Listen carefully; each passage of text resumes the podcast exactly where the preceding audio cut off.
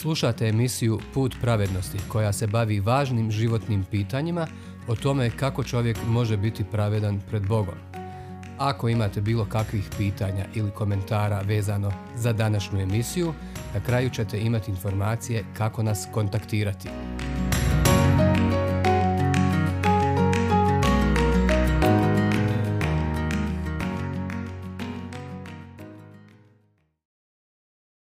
Prorok Jeremija u posljednjoj smo emisiji sagledali ono najvažnije iz djelovanja proroka Izaije, posebno njegove jedinstvene objave o dolasku Mesije.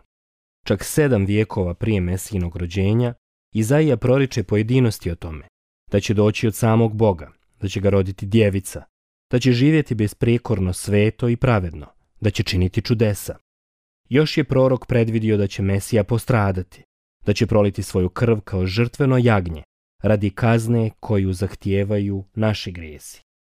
I kada jednom to ostvari u punini, sahranit će ga u grob bogataša, iz koga će se vratiti u život da bi opravdao sve koji ga budu vjerovali. Danas nastavljamo naše proučavanje Božih proroka. Na redu je Jeremija, koji je živio oko vijek nakon Izaije. Vidjeli smo da Izrael više nije jedinstvena nacija, da je podijeljen na dvije federalne jedinice, Judu i Izrael.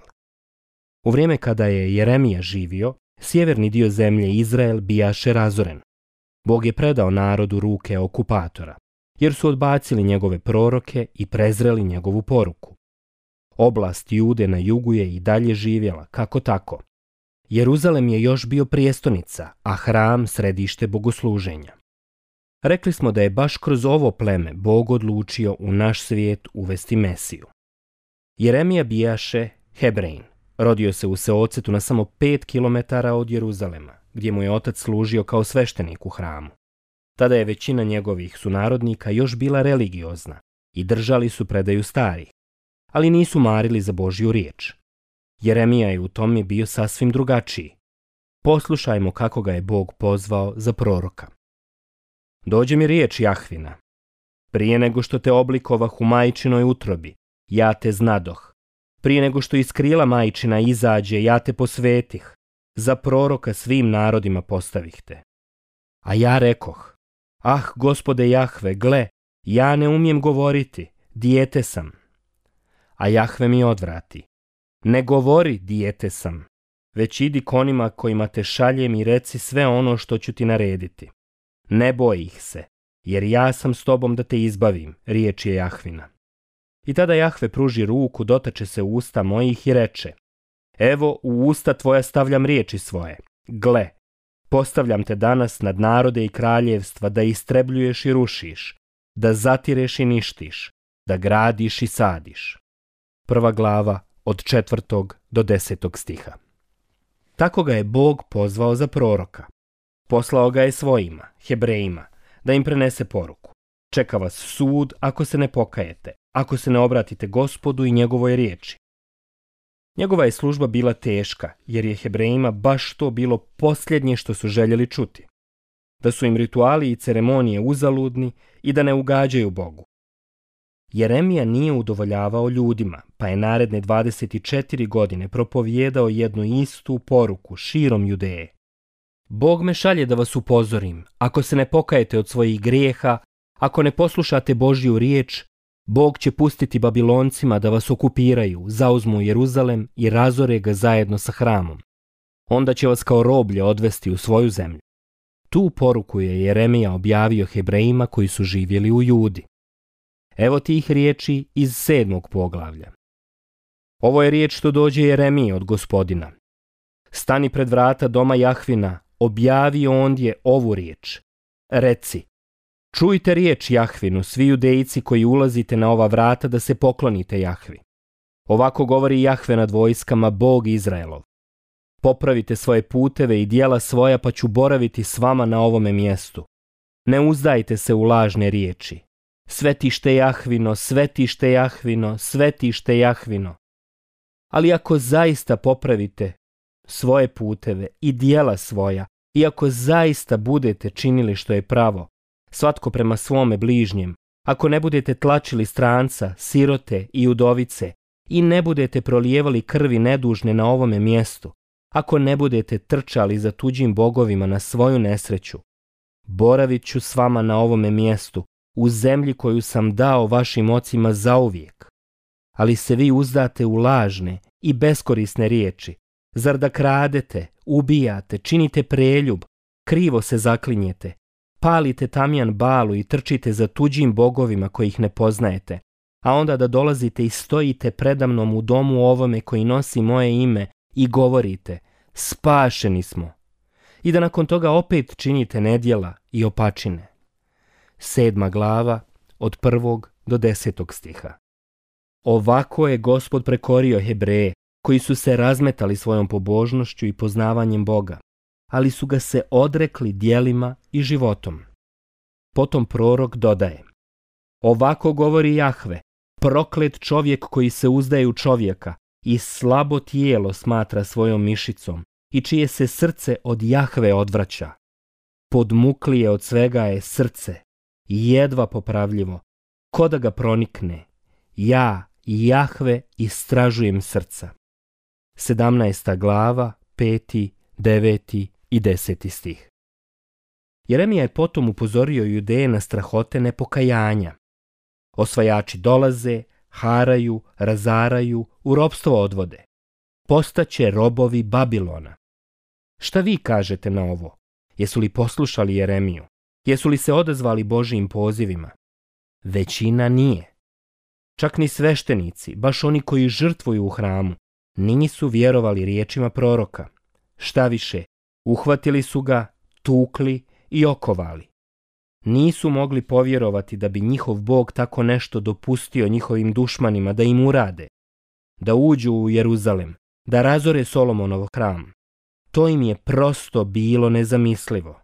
Bijesnili su na proroka jer je najavljivao nešto tako strašno.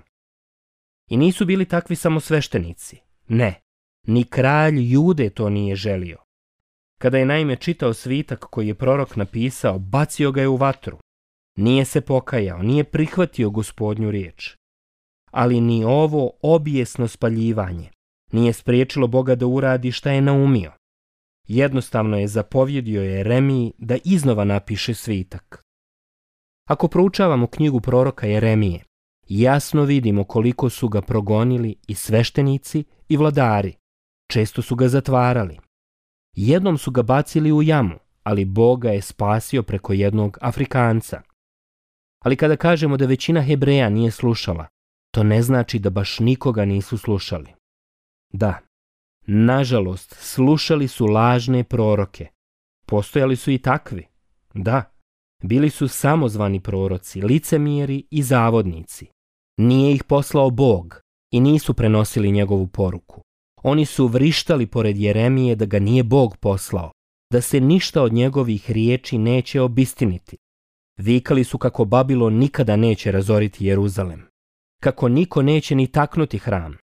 Tješili su narod da nikada neće vidjeti okupatore i obećavali mu samo mir, samo mir. Ali Jeremija je i tada bio neumoljiv. Poslušajmo ga.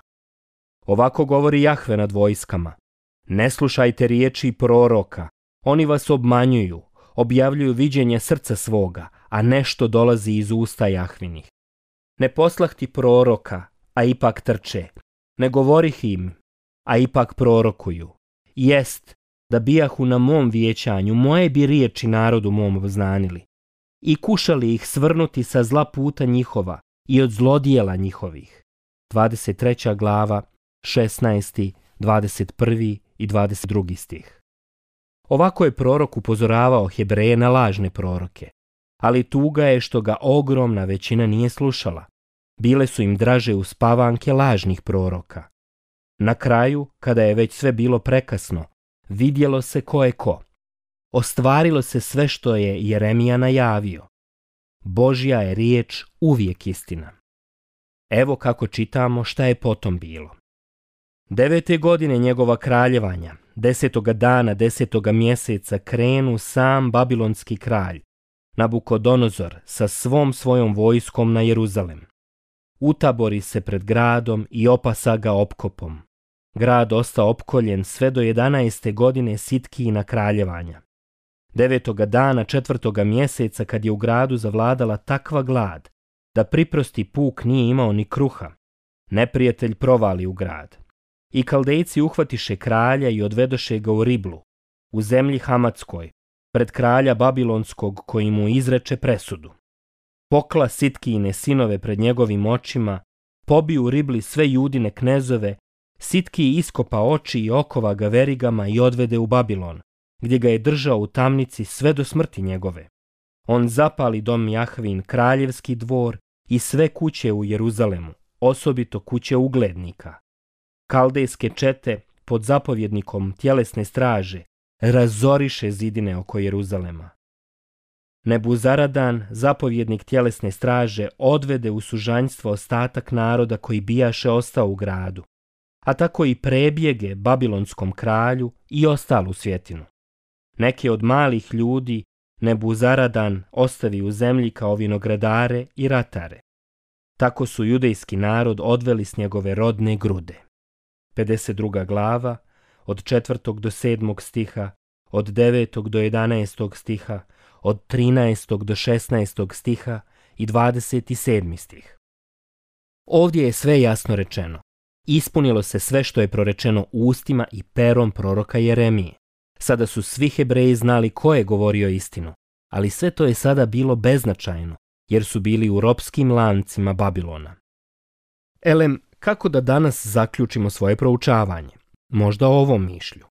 U dan suda svaki potomak Adamov će znati šta je istina, a šta laž.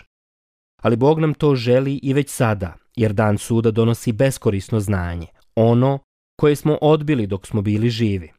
Tada će biti kasno za pokajanje, već sleduje samo ispaštanje za grijehe. Zato nam Božja riječ kazuje, evo sad je vrijeme milosno, evo sad je vrijeme spasa. Druga poslanica Korinčanima, šesta glava, drugi stih. Ili kako piše prorok, ljubljeni, ne vjerujte svakom duhu, nego provjeravajte duhove, jesu li od Boga, jer su mnogi lažni proroci izišli u svijet. Prva Ivanova poslanica, četvrta glava, prvi stih. Sljedeći put, inšalah, vidjet ćemo šta se dešavalo Hebrejima dok su robovali u Babilonu. Bog vas blagoslovio dok razmatrate blaženu istinu viđenja proroka Jeremije. Tražit ćete me i naći me, jer ćete me tražiti svim srcem svojim. 29. glava, 13. stih.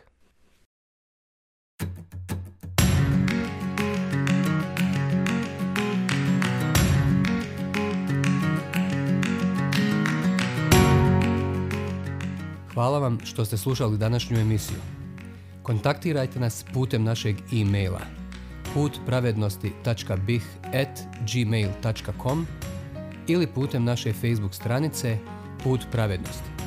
Do sljedećeg slušanja.